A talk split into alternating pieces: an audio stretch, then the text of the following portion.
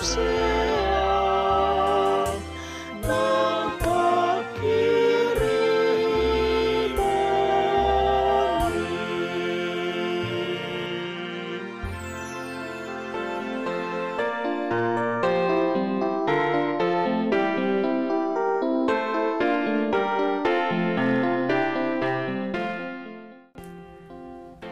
Harian HKBP Romangun, ikutlah aku.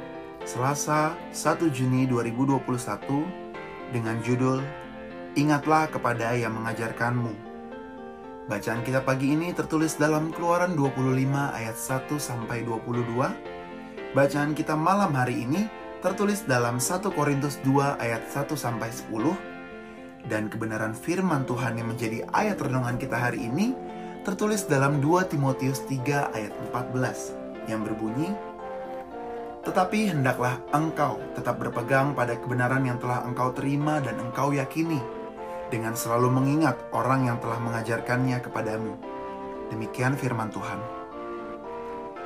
Bagi Paulus, ajaran yang benar harus terlihat di dalam cara hidup yang baik.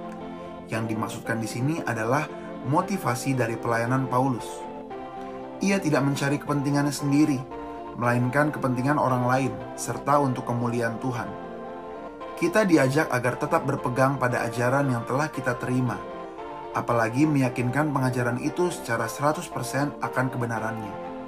Karena ini adalah salah satu cara meyakini ajaran yang kita terima itu benar. Masih ada alasan lain. Kita selayaknya setia kepada ajaran tersebut. Bagaimana dengan kita? Apakah kita dapat seperti Paul Timotius, mampu berpegang dan selalu mengingat akan orang yang mengajarkan kepada kita? Terkadang kita sulit menerima ajaran dan kebaikan dari orang lain karena seringnya kita merasa lebih pintar dan lebih baik, bahkan lebih benar dari orang lain. Nats ini mengajak kita agar kita mampu tetap berpegang pada kebenaran yang sudah kita terima dari Kristus yang telah kita terima dan kita yakini bahwa hanya Kristus yang mampu mengajarkan segala kebenaran di dalam kehidupan kita, dengan selalu mengingat kepada orang yang mengajarkannya kepada kita.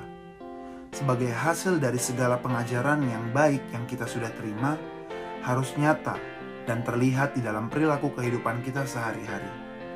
Jadilah pelaku-pelaku firman kebenaran melalui pengajaran yang kita terima. Amin marilah kita berdoa.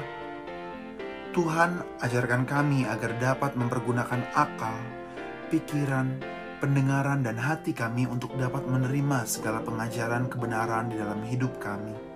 Amin.